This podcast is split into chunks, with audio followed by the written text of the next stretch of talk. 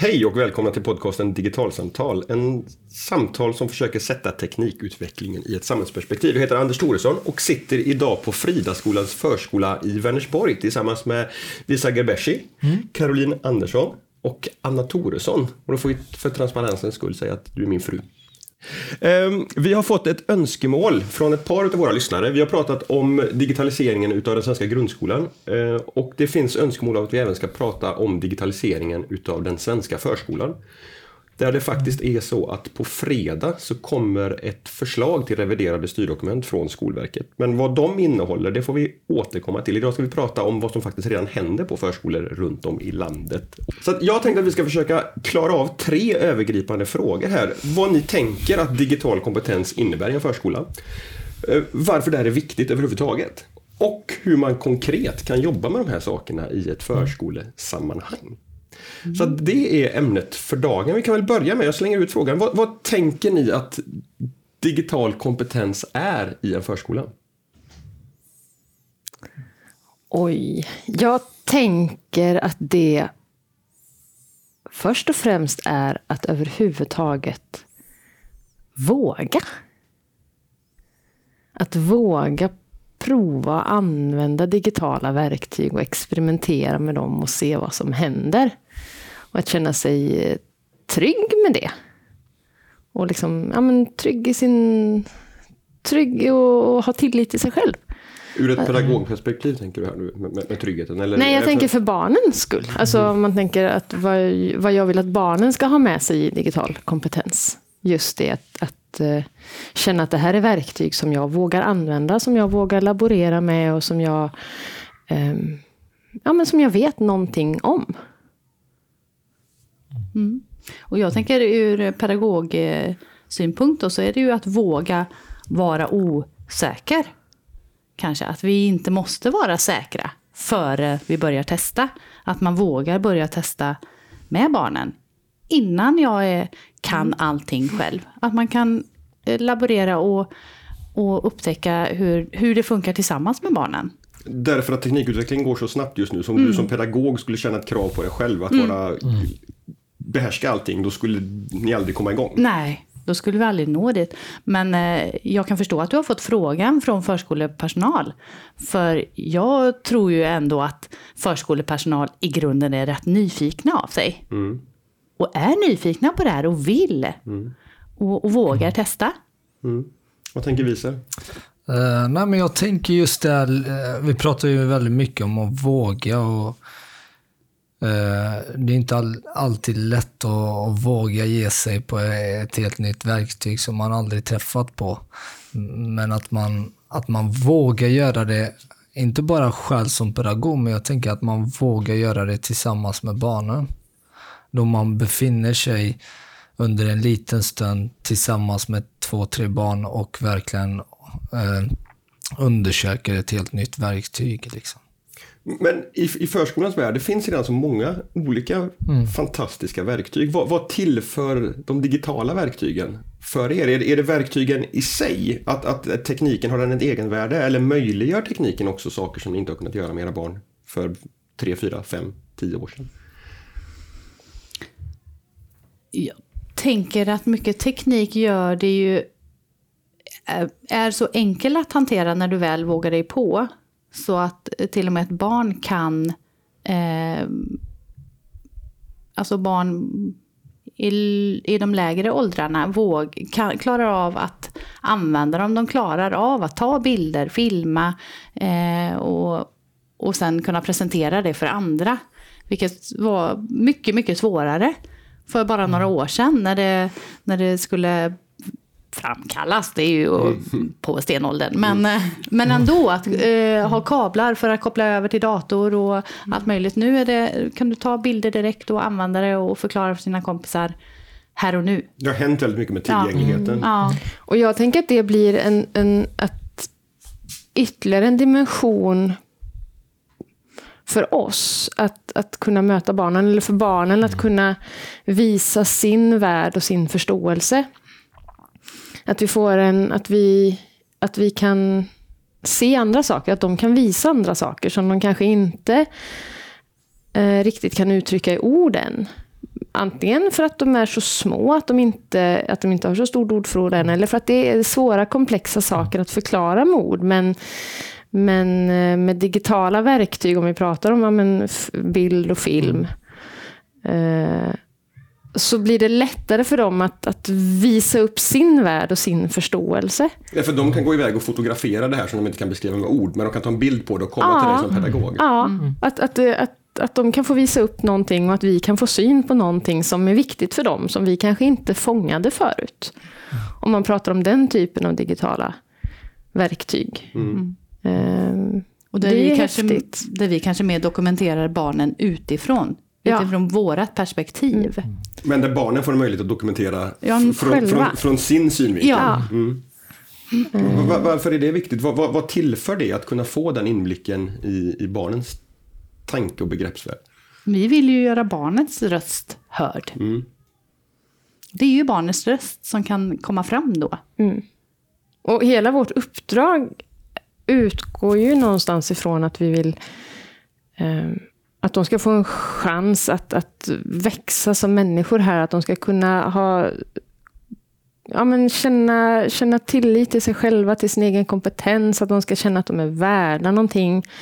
Att de ska känna att de ehm, ja, men vågar gå ut i världen med rak rygg. Och, och för att kunna göra det riktigt, riktigt bra så behöver vi ju förstå någonting om vad de tänker och känner och hur de ser på saker och ting. Och det är klart att kan vi få ett, ett ytterligare verktyg där vi kan komma närmare dem, där de själva kan få definiera, eh, definiera sig själva och definiera sin omvärld, så är det jätteviktig information för oss. Att det inte bara är vår tolkning som gäller, utan deras egen bild. Men det här låter som ett, ett exempel på där, där de digitala verktygen förstärker och förenklar och möjliggör saker som, som redan har funnits i, eran, i ert uppdrag. Då. Mm, absolut. Ja, verkligen. Eh, Jag tänker just på det här att det är ju, alla barn lär sig på olika sätt. Och de här verktygen har gjort att eh, eh, några av barnen som eh, Just då, om vi pratar om eh, läsning, eh, om man läser en bok analogt så att säga, jämfört med att läsa en bok med hjälp av en iPad. Det blir enormt skillnad hos vissa barn eh, för att stimulera den eh, lusten. Liksom. Så det, det är den ena aspekten då. Men sen, sen finns det ju också, som, som redan har skrivits in i, i styrdokumenten för, för, för grundskolan, det här med att man behöver också ha en digital kompetens kring tekniken i sig. Är, är det också någonting som ni jobbar med, som ni tycker att förskolan ska jobba med?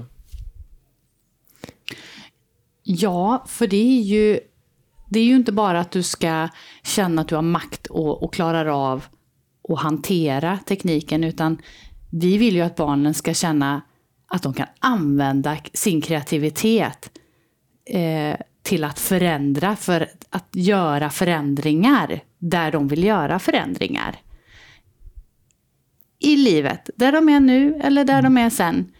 Eh, så det är ju inte bara att de ska förstå hur den fungerar. Det, det är kanske vårat närmsta mål, vi som vuxna. Vi ska bara försöka klara av att hantera de digitala verktygen. Men för barnens del så är det ju faktiskt att bara känna att det är de som ligger bakom och, och, och kan förändra och, och ja, men, använda sin makt på så sätt. Ja, och jag tänker ganska mycket av vårt arbete handlar ju överhuvudtaget om att, om att rusta dem för livet, och rusta dem för alla eh, dimensioner av livet. Eh, och eh, digitala verktyg är en dimension av livet i världen utanför förskoleväggen, och då måste den finnas med. Den dimensionen måste finnas här också. Eh, de behöver vara bekanta med det här och känna lust till det här och känna ja, men, ja, att de äger de verktygen och känna att de kan vara producenter också i en digital, i en digital omvärld. Ehm, så, det, är- så det är en jätteviktig del av vårt uppdrag, att ge dem ett redskap till. Precis som vi, precis som vi jobbar med eh, så här, eh, väcka nyfikenhet och lust för matematik och för språk och för eh, naturvetenskap och teknik i andra aspekter och, och skapande i olika former så, så är det här ett uppdrag som vi har att, att väcka deras nyfikenhet och, och lust för. Jag tänker ju- just det här långsiktigt också. Att eh, inte bara förstå verktygen men även få erfarenhet. Så att när jag väl kommer till skolans, skolans eh, stadium, liksom, att jag känner igen mig. Så att det inte blir någonting nytt och en chock för barnet. Liksom. För, för i skolan och den digitaliseringsprocess som, som grundskolan går igenom så pratas det också mycket om det kompensatoriska uppdraget. Eh, Och, och här kanske ni då har ett uppdrag att hjälpa till att, att redan från förskolenivå kompensera för de barn som inte har tillgång till tekniken hemma till exempel. Ja, men där, där kan jag ju känna att, att tekniken har sprungit iväg. Okej. Det var några år sedan som vi eh, eh, kände mer så att vi behövde kompensera för att eh, verktygen inte fanns hemma. Nu är ju rätt många som har eh, verktygen eh, och har testat på. Eh, så det är inte just det att vi känner att det är många barn som aldrig har testat på. Men just att kunna använda sig av, av ja, men just det där att de kan förändra. De kan faktiskt förändra verktygen. Det behöver inte vara så här. En kamera eller en, eh, en app behöver inte fungera på det sättet som den fungerar just nu. De skulle kunna förändra den. Ja, jag tänker att det är ju nästa steg. För ett antal år sedan när vi fick våra första iPadar hit, då var ju fokus väldigt mycket på, ja, vad ska man kalla det, en sorts appmotorik eller appkunskap bara. Att förstå hur en platta funkar, hur man, att, man kan, att man kan bläddra och man kan peka och man kan trycka och det händer grejer. Väldigt konkreta. Väldigt konkret. Hur hanterar man en, en, en platta? Och det, då var ju det ett kompensatoriskt uppdrag, för att då var det inte så många som hade det, he- hade det hemma, utan då behövde man ja, men en chans för alla att få prova på. Men det har vi ju kommit förbi. Ehm, men där kan jag tänka att, att vi har ett jättestort uppdrag nu att eh, att gå till just det som du säger Caroline, det här med att faktiskt ta makten över de här verktygen och att bli producenter. Att inte bara konsumera de färdiga appar som finns och bara använda de verktyg som redan finns utan, utan ja, men kunna få utmanas i sin kreativitet och, och, och, um, och skapa nytt. Och att tänka större, och tänka utanför boxen och hitta nya möjligheter. Ehm, och det tror jag kan vara en liten utmaning. På ganska många förskolor nu, hur tar vi nästa steg? Hur går vi från att bara vara konsumenter till att bli också digitala producenter? Ehm, och där tror jag att vi har ett kompensatoriskt uppdrag än. För där tror jag inte att, att vi är generellt i samhället än. Ko- Konkret, hur, hur, vad, vad, vad har ni för verktyg och hur jobbar ni med dem? Ja, vi har ju, vi använder ju oss av iPadar. Eh, vi har ju Bluebots. Uh, använder oss av Makey Makey. Dash.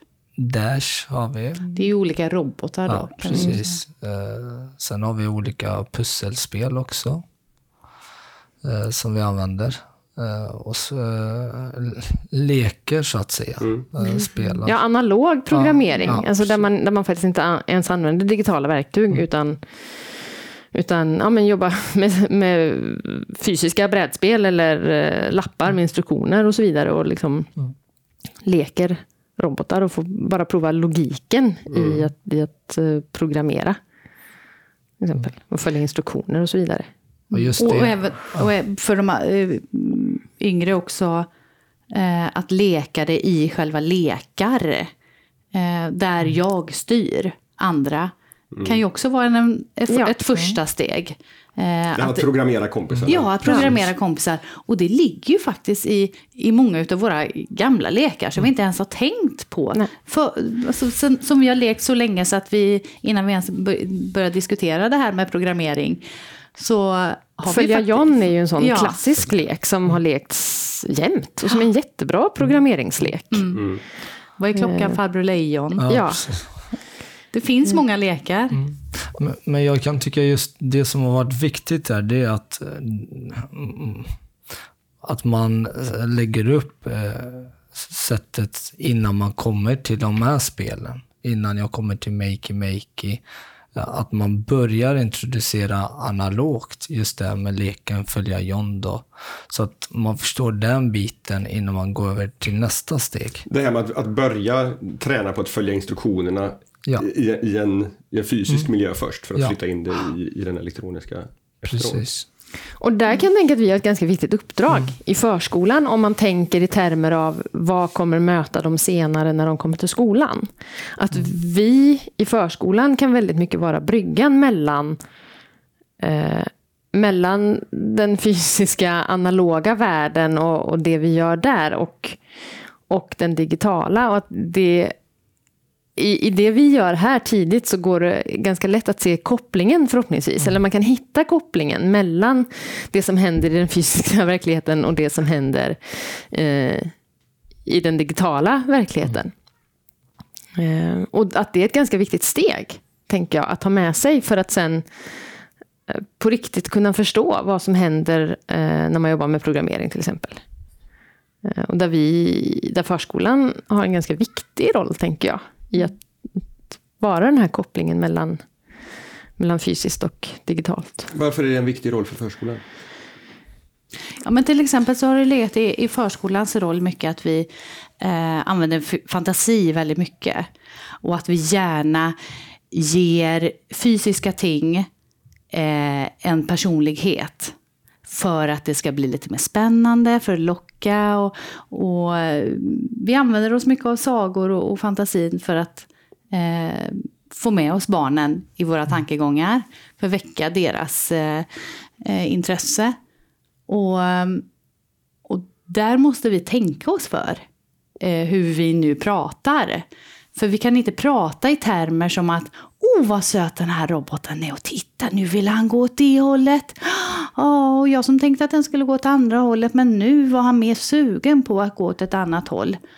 Eh, för pratar vi på det sättet, som att roboten är en egen person, eh, som vill någonting, eh, då blir ju det här med programmering helt bakvänt. Därför då skickar ni iväg barnens tankar åt, Ja. åt helt fel håll. Ja, då är det ju plötsligt vi som får anpassa oss efter vad robotarna känner för. Eh, och det är ju en viktig bit för oss. Så att i en sån situation när man har programmerat roboten och inte den gör som man ska, att, Mm. att man faktiskt som pedagog i det fallet tänker på att, ja, men, att göra det tydligt för barnet att här är det du som har misslyckats. faktiskt Mm. Ja, ja, precis. Nu kanske inte vi vill använda Nej. ordet just misslyckats. men eh, kanske vi säger att oj, vilket kommando var det vi glömde bort? Det kanske var någon knapp vi glömde trycka. Ska vi prova en gång till? Vi tar tillbaka den till början igen och så suddar vi bort det vi gjorde och så gör vi en ny programmering. Och är noga med vilka eh, kommandoknappar vi trycker på. Eh, och, och gör ett nytt försök. Det, är ju, det är ju inte fel. Eh, det är ju det är alltid okej att göra att det blir tokigt, att det blir fel ibland. Det är ju det vi lär oss på. Och där tänker jag att vi har, en, eh, vi har ett litet försprång kan jag tänka i förskolan. Eh, just när det kommer till den här grundläggande förståelsen. Därför att vi är vana att leka. Vi är vana att leka och labba och testa och som sagt, det blir ofta lite tokigt och det är ingen big deal. Och liksom, nej, men då provar man igen och så gör man på ett annat sätt. Det ligger liksom i hela vår eh, natur. Det är det vi gör hela dagarna i alla olika, ja men ur en massa olika aspekter så håller vi på och labbar och undersöker och testar och, och leker. Och det här är rätt så häftigt att se när man har labbat med det efter ett tag och barnen har blivit mer och mer medvetna om hur, hur en bluebot fungerar. Att man kommer på sig själv att ja, blueboten svängde höger men då var mitt kommando lite tokigt. Då får jag gå tillbaks och börja om från början. Eh, att man blir hela tiden medveten om för varje gång man tränar på det. Eh, jag komma in på en genusaspekt här. Eh, därför att eh, en, en av tankarna med, med de nya styrdokumenten för, för skolan, eh, det är att man ska få fler tjejer att söka sig till tekniska utbildningar. Um, Och jag har själv upplevt när jag har varit ute och, och hållit programmeringskurser som har varit fria att anmäla sig till. Inte organiserat av skolor utan på, på fritids eller, eller så. Och jag har även kollegor som har gjort det. Att det är svårt att från mellanstadiet uppåt få tjejer att söka sig till de här utbildningarna. Därför undrar jag, på förskolenivå, ser man någon skillnad i intresse för teknik mellan pojkar och flickor? Nej, Nej. vi har ju jobbat ganska aktivt med eh, NT överhuvudtaget de senaste åren. Eh, jag har ju gått utbildningen som NT-utvecklare och någonting som jag som fastnade väldigt hos mig var just eh, de här forskningsresultaten som visade på vad ointresserade svenska tonåringar är för teknik. Eller de säger sig vara ointresserade. Men eh, jag, jag skulle vilja se den tonåringen som man skulle kunna rycka telefonen ifrån eh, utan att eh, personen skulle reagera eh, ganska starkt, tror jag. Men eh, i en av forskningsrapporterna vet jag att det kom fram att eh, tonåringar ofta svarar ja men teknik är viktigt, men inget för mig. Och just det är, är ju någonting som vi har haft med oss i tanken. Vi vill ju att alla barn ska få bara den här positiva känslan för ordet teknik och, och nu i de, de här sammanhangen med digitala verktyg.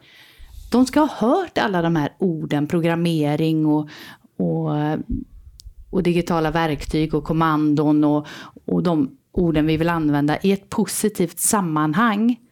De får bli fyllda av käns- en positiv känsla för de här orden. Eh, vilket gör att de, eh, tror jag, kommer våga mer. Att både på något sätt avdramatisera orden och också fylla dem med en positiv betydelse. Mm. Och Jag kan ju inte säga att man kan se någon skillnad, att det, att det skulle vara så att tjejerna hos oss vore mindre intresserade av det här än, än, än killarna. Absolut inte. Och det gäller alltså varken med, med fysisk, analog eller digital teknik, tänker jag. Om vi, om vi snickrar ut och drar fram verktygen och ska bygga någonting så är det ju liksom, det går inte att se någon könsskillnad där heller, utan det är ju någonting som händer på vägen sen. Liksom. Och så att om vi bara, om vi bara liksom vaktar vår tunga lite grann och tänker på vilka, hur vi uttrycker oss och vad vi säger så, så, så att vi inte liksom skapar någon könsskillnad eller reproducerar någon gammal åsikt om, om hur det ska vara så är det inte så. Nej. Vad, vad tycker barnen om de här nya verktygen? Om ni jämför med hur, hur gammal analog teknik har tagits emot av barnen. Hur, finns några skillnader? Blir det liksom roligare? Blir det mer utforskande? Fin- Finns det några skillnader eller är det bara ett nytt material? Jag kan nog tycka att barnen blir alltid intresserade när man plockar fram nya grejer. Som har varit i garderoben ett tag och så plockar du fram det så blir de eh, kan bli jätteglada över ett, ana, ett analogt spel eller eh, en eh, låda med nya byggklossar som de inte har sett på länge. Eh, de kan bli lika glada över det som eh, en ny robot. Så att eh, det är ju inte det att eh, vi ser att oh, det här tycker de är mycket roligare, så det, det är det här vi ska satsa på. Vi plockar bort de andra lekmaterialen. Så är det ju inte heller. Visst tycker de att de är roliga, men eh, det är ju inte det att de eh, behöver slå ut eller krocka ut någonting annat. Nej, det är ju snarare ett tillägg. Ja, Eh, Ytterligare ett verktyg, ytterligare en möjlighet eh, att, att göra något eller Mm. skapa något. Men, men jag, jag kan tycka lite just att eh, när det gäller de digitala verktygen att man ser ju på barnen att eh, till skillnad från något nytt analogt verktyg till digitalt, att det är någonting mer spännande, någonting mer Ja, men det är någonting som lyser i deras ögon när man presenterar ett nytt digitalt verktyg jämfört med en ny, eh, en ny pusselspel eller vad det kan vara. Det, det kan jag säga direkt att jag, jag kan se det på barnen. Jag kan göra det. Jag tänker att det förändrar någonting i maktbalansen mellan pedagoger och barn. Jag kan tänka att det är där det stora händer på något sätt. Men som du sa förut Karolina, att vi måste våga ge oss ut eh, på arenor där vi inte redan kan allt och inte är experter. Och att där händer det jättemycket viktiga saker i mötet mellan barn och pedagog. Eh, som gör, det är kanske det som gör att det blir roligare. För plötsligt är inte Eh, pedagogerna experter som bara lägger fram en färdig sak där vi redan har uppfattningar om vad det ska leda till eller uppfattningar om hur det ska utföras. Eh, utan där vi faktiskt på riktigt blir de här medupptäckarna och medforskarna som vi, som vi pratar mycket om att vi ska vara. Eh, vi får på riktigt också leka. Inte bara spela att vi leker. Fast vi egentligen redan kan. Utan här blir det på riktigt ett möte där pedagoger och barn är ganska jämlika och får utforska ihop.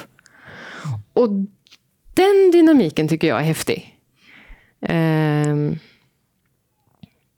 vi, ja, det händer någonting annat, tänker jag, i, i, i det mötet. När vi, på, när vi på riktigt utforskar och lär oss tillsammans. Mm. Sen är det väldigt viktigt att vi som pedagoger vet um, syftet med det vi gör. Att vi inte bara plockar fram ett digitalt verktyg och säger jaha, det här kan man tydligen göra någonting med, nu ska vi se. Utan att vi, vi, har, vi har en utgångspunkt för varför vi vill använda det och vi vet vad syftet är och vi vet vad vi strävar mot. Men att vi faktiskt inte med självklarhet vet just vad som kommer hända i stunden. Mm. Det, det blir en intressant koppling till nästa fråga som jag skulle vilja ställa. Och det är att jag och Karl har i tidigare avsnitt av podden pratat om att eh, det är lite en guldrush nu för företag som utvecklar pedagogiska verktyg och material för undervisning. Det, det, ser vi både i Sverige och internationellt att det finns liksom en uppsjö med robotar och appar som ska lära programmering och allt möjligt. Och så och att det, det, kan, det kan vara tufft för en pedagog att utvärdera vad, vad är det som faktiskt, vilka, vilka material fungerar, vilka material fungerar inte och så vidare. Hur, hur, hur gör ni när ni bestämmer vilka material ni faktiskt ska, ska köpa in till förskolan och, och jobba med? Ibland är det ju en ren chansning och ibland så upptäcker man ju inte det förrän man redan har lagt alla de där pengarna. Mm. Men sen försöker man väl eh, söka tips på, från andra förskolor och andra mm. kollegor. Mm. Um, och sen får man väl göra sina fel ibland. Mm. Sen tänker jag att det är viktigt där att tänka efter att vi är fortfarande pedagoger och vi vet fortfarande eh, hur barns lärande fungerar och vi vet fortfarande vilka läroplansmål vi har och vi vet fortfarande vad det är vi vill uppnå. Eh, så även om eh, vi behöver inte vara i händerna på en massa leverantörer, utan lika väl som vi kan ta ställning till vilka andra lekmaterial som passar det vi ska göra just nu, så, så kan vi själva göra en bedömning. Ja, men utifrån de, det vi vill jobba med och den barngrupp som, mm. som vi har här, så tror vi att men det här skulle passa. Jag vet, jag fick en fråga en gång om en app. Om man skulle tänka om det här med att appar som har tidtagning, om det är bra eller dåligt. Och det går ju inte att svara på, för det beror ju helt på vad det är man ska göra. Alltså om, om, du om tänker appar där, där uppgiften löses på tid? På tid, ja men precis. App, eh, en, en app där, ja, men där det går på tid. Och om man, om, det, om man borde ha eller inte borde ha sådana. Och där jag kan tänka att ja, men om det är till exempel en, ett, ett spel som barnen ska spela och man upplever att de blir stressade av att det går på tid. Då kanske man ska välja att stänga av den funktionen eller välja en annan app som inte har den tidtagningsfunktionen. Men, men om, vi, om vi just nu jobbar med tid, om det är det vi håller på att utforska, ja, men vad är tid och hur, hur långt är det? Och liksom så här, då kan ju just en app med en tidtagningsfunktion vara en jättebra grej. För då stödjer det precis det som vi, som vi jobbar med då, att det är viktigt att komma ihåg det, att det här är inte en annan värld. Eh, sen att man inte nödvändigtvis med en gång hittar precis rätt app eller precis rätt robot eller precis rätt spel. Det, så kan det ju vara, men så är det ju när vi, om vi köper in böcker eller andra spel också, att ibland känner man att nej, men det här funkar inte, det här var inte så roligt, eller, eller det, dynamiken funkar inte det här, blir inte det vi hade tänkt. Mm. Men, men liksom, att man inte tror att jag tänker att man som pedagog inte ska behöva känna att man är i händerna på en massa leverantörer. Nej, utan, För vi är fortfarande pedagoger och vi vet vad vi vill att barnen ska lära sig. och fortfarande känna sig trygg i, Ja. i, i, i yrkesrollen och inte låta sig bli omkullsnackad utan någon som hävdar Ja, ja. att det här... Mm, Absolut. Precis, det, jag tänker just eh, när man går in på Facebook och så kan man se hur många förskolor som köper in alla möjliga digitala verktyg och man fyller på sin egna förskola med alla möjliga sorters. Eh, jag tycker istället att man ska avvakta, ha tålamod, lära känna sin egna grupp, barngruppen, precis som Anna säger här. Vad är det vi arbetar med? Var befinner vi oss just nu? Vad är det för sorts eh, digitala verktyg vi behöver? Har vi barn som har särskilda behov? Som vi behöver ett visst antal olika appar som passar de här barnen? Och inte låta sig själv eh, dras med i det här, eh, eh, ja men kom och köp, kom och köp. Eh, och inte låta sig dras med för att eh, förskolan eh, 300 meter härifrån har eh, 20 iPads och tre robotar och vi har inga, eller vi har tre eller två. Och jag tänker också att man, man kanske inte behöver känna att man behöver en klassuppsättning. Utan som vi ser det, att detta är ett arbetsmaterial som, som kompletterar det arbetsmaterialet vi redan har. Ehm, då är det ju någonting man får turas om med. Eller man får vara, vara några stycken tillsammans och upptäcka och, och prova på och lära tillsammans. Eh, då behöver man inte heller känna att man behöver så många utav varje grej. att det behöver inte bli en kostnadsfråga i riktigt lika stor utsträckning. Nej, för det, en kostnadsfråga är det ju. Det är, Många av de här sakerna är ju dyra, så är det. Ehm, men, eh, och de vill gärna göra reklam att köper du flera samtidigt så blir det billigt, och, eller billigare. Men, men ehm, ehm, det är ju ändå så att det, det är inte det enda arbetsmaterialet vi ska ha, utan det är något no, som- ska komplettera arbetsmaterial vi redan har. Och då, då ja, men det här med turtagning, vänta på sin tur och, och vi gör tillsammans. För det är också någonting som ni ska jobba med. Ja, naturligtvis. Som avslutning så skulle jag vilja liksom be er att de, vilka slutsatser har ni dratt utav ert arbete med digital kompetens på Fridaskolan i Vänersborg som ni kan skicka med till de förskolepedagoger som lyssnar på podden?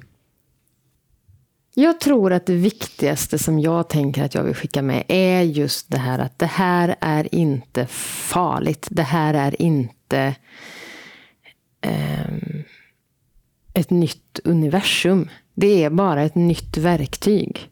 Eh, och vi är fortfarande pedagoger och vi är fortfarande proffs på att jobba med barn och, med, och utmana barn i deras lärande.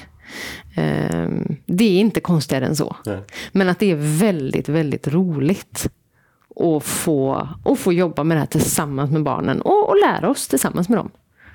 Och det funkar jättebra att göra det.